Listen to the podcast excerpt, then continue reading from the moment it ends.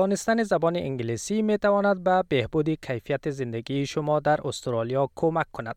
SBS مجموعه پادکست دارد که در آن اصطلاحات روزمره زندگی در استرالیا توضیح داده می شوند.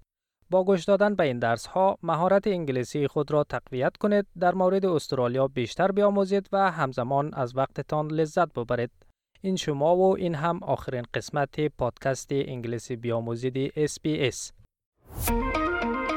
Learning English helps me understand what people are saying, but not all the time. SBS acknowledges the traditional custodians of country in their connections and continuous care for the skies, lands, and waterways throughout Australia. Have you had the experience that you are talking to someone but find that you can't fully understand what they are saying? And then you don't know how to get them to explain what they mean in another way so that you can understand. My name is TJ and just like you, I've been in those kinds of situations too. There are a lot of reasons why you may have difficulty understanding someone. It can be because of their accent, because they use slang words, or there are cultural differences that make it difficult to understand what they are saying, or maybe because they are talking too fast.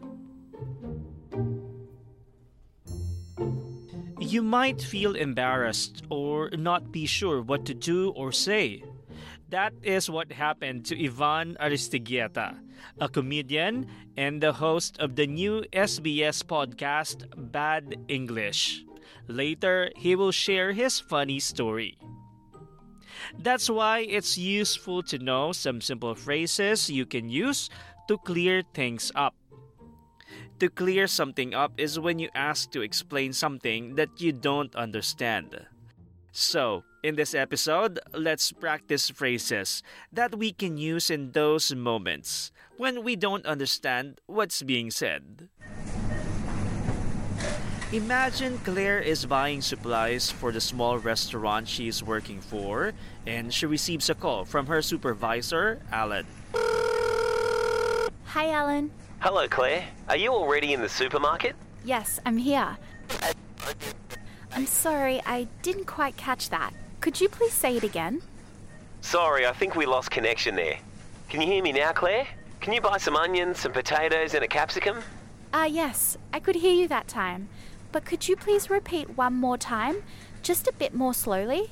No worries. Please grab some onions, some potatoes, and a capsicum. Does that make sense? I'm afraid I'm not sure what a capsicum is. Do you mean a bell pepper? Yeah, capsicum is bell pepper. Like a big chili, but not hot. Is everything crystal clear? Yeah, got it. Thanks. I'll see you back at the restaurant soon. What a confusing conversation. But it contained lots of phrases that you can use in so many situations. Let's hear them again. Alan said, Hello, Claire. Are you already in the supermarket? In this situation, Alan's mobile network has a poor signal, so Claire cannot fully hear what Alan is saying. Hi, Alan. Yep, I'm here. I'm sorry, I didn't quite catch that. Could you please say it again? Claire said, I'm sorry, I didn't quite catch that which meant that Claire is politely saying that she missed part of the information or did not hear it clearly. You might know the word catch when used with real items or things, like a ball. But it can also be used for ideas, concepts, or information, like in this situation. If you want to check someone understands what you are saying, you could say, Did you catch that? Claire also asks Alan if he could repeat what he said using the phrase, Could you please say it again? You can also use the informal word can instead of could. This is just a little bit more casual. Now, this phrase is so simple and useful. I sometimes want to say it again and again. Can you please say that again? Can you please say that again? Can you please say that again? Sorry, I think we lost connection there. Can you hear me now, Claire? Can you buy some onions, some potatoes, and a capsicum? In this situation, a connection is the audio in a phone call. It is also often used when talking about video chats or online meetings. When someone says, Sorry, I think we lost connection there. Can you hear me now? They are checking if the other person can hear them after a technical problem. Ah, yes, I could hear you that time. But could you please repeat one more time, just a bit more slowly? Could you please repeat one more time? Is another simple phrase you can use, which is the same as could you say that again?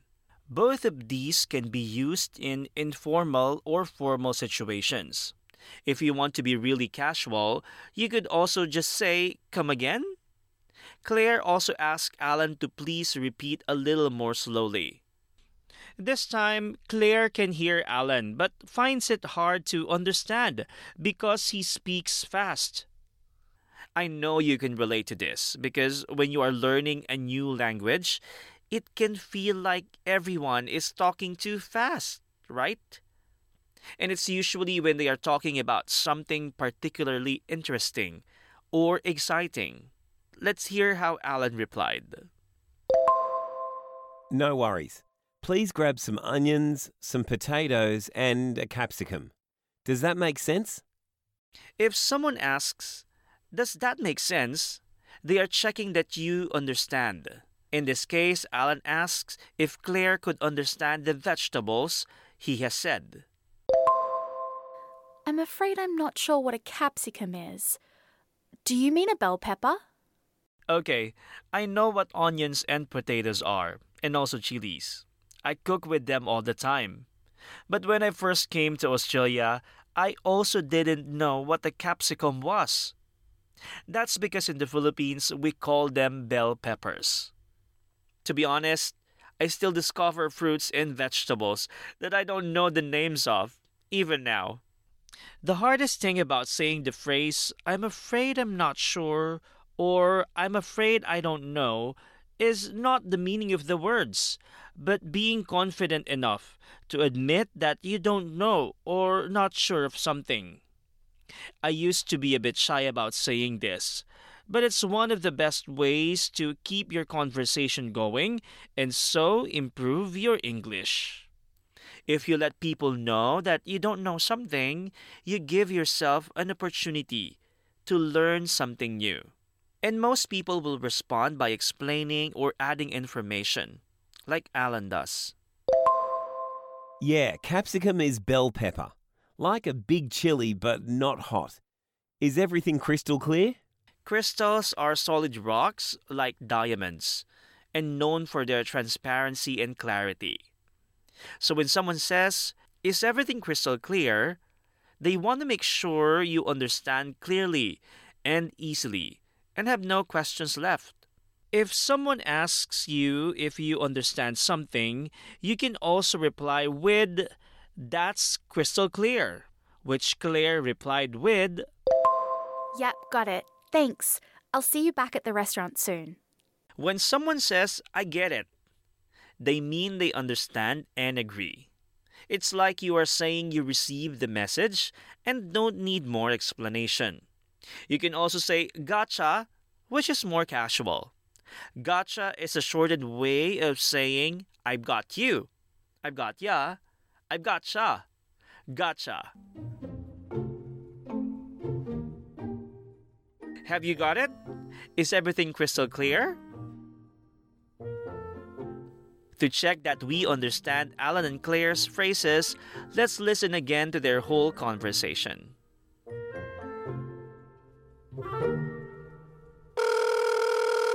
Hi, Alan. Hello, Claire. Are you already in the supermarket? Yes, I'm here. I'm sorry, I didn't quite catch that. Could you please say it again? Sorry, I think we lost connection there. Can you hear me now, Claire? Can you buy some onions, some potatoes, and a capsicum? Ah, yes, I could hear you that time. But could you please repeat one more time, just a bit more slowly? No worries. Please grab some onions, some potatoes, and a capsicum. Does that make sense?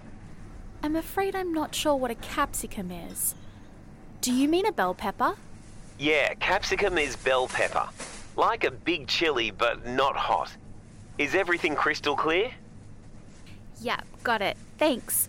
I'll see you back at the restaurant soon. Now we have our special guest, an amazing Venezuelan born comedian and the host of the new SBS audio podcast, Bad English, Ivan Aristeguieta. Hi, Ivan. How are you? Hello, TJ. Thank you very much for having me and also for uh, pronouncing my surname correctly. You're one of the Oh. few people who, who've done it without even asking me. Oh, thank you. Before we talk about the podcast, I'm just going to ask you about our topic today. Um, how to say or how to express yourself if you don't understand someone or you, if you don't understand something. Do you have any experience when you cannot understand someone? I have a very funny anecdote of misunderstanding the pronunciation and a bit of cultural misunderstanding as well. There is a, a thing in Australia called the tall poppy syndrome. When I heard tall poppy syndrome for the first time, and they explained to me, um, yeah, tall poppy syndrome. That means uh, that they they the the person who explained to me was like it's like you- The the the taller gets cut off, and so everybody's is this is the same level and I didn't understand well because I didn't know there was a flower named Poppy. And I thought they were talking about little dogs like puppies. and for years, I've been explaining my fellow immigrant friends about the tall puppy syndrome on how they uh, in Australia this thing it, it, it it's about you have a dog of a, a, box full of puppies and if uh, like Labrador puppies and if they will cut the head of the puppy so all the dogs are the same size so that puppy learns to not stick the head out of the box which in analysis is the same principle of the tall puppy syndrome so I, I was telling that story for ages and my friends were like really that's a very weird cultural thing like cutting the heads of puppies i'm like it's true i've been hearing the tall puppy syndrome everywhere that's what they have uh, that's what they do and then I went to a flower festival in Canberra with with a, a friend, and she was like, "Oh, those flowers are poppies. Have you heard about the tall poppy syndrome?" And that's when everything dropped. The coins dropped, and I was like, "Oh my God! I've been telling these are poppies." the thing that has helped me as an English as second language speaker: don't be shy to stop a conversation when you don't understand something. That's the main thing for me and people are because we think oh we're interrupting the conversation we are uh, being a nuisance and it's the complete opposite actually people like to be understood so when when you show that you care to understand what they're saying people are going to 98% of the time they're going to take their time to explain to you the word Yeah, sometimes because of the accents, slang words, cultural differences, and others. It can be fun looking back, right? But what's more fun is the new podcast, Bad English. Can you tell us more about it? uh, we we recorded beautiful stories of immigrants from all over the world and their journey learning and adapting into a culture with the, where the English language is the main uh, spoken language. It's a beautiful podcast. It has very funny moments and also lots of heartfelt, beautiful moments of immigrant stories. I totally recommend it. We have so much fun recording it. Yeah, if anyone wants to follow me on Instagram at Ivan Comedy and go uh, listen to my new podcast, uh, Bad English on SBS on demand, SBS Audio. Thank you so much, Ivan. Now let's practice phrases from this episode. First, see if you remember the meaning before hearing the answer. What does it mean to go over again?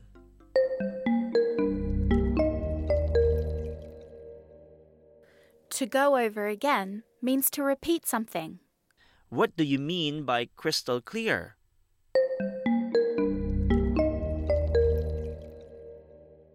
Crystal clear is a phrase used to describe something is extremely clear and easy to understand. Now listen carefully and repeat some phrases to ask someone to repeat themselves.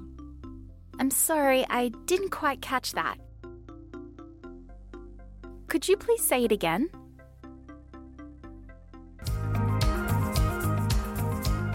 On our website, sbs.com.au slash learn English, you can find more phrases and practice your listening and understanding skills with our quiz. You can also find us on Facebook. We are SBS Learn English. I'm TJ. Thank you for learning English with me.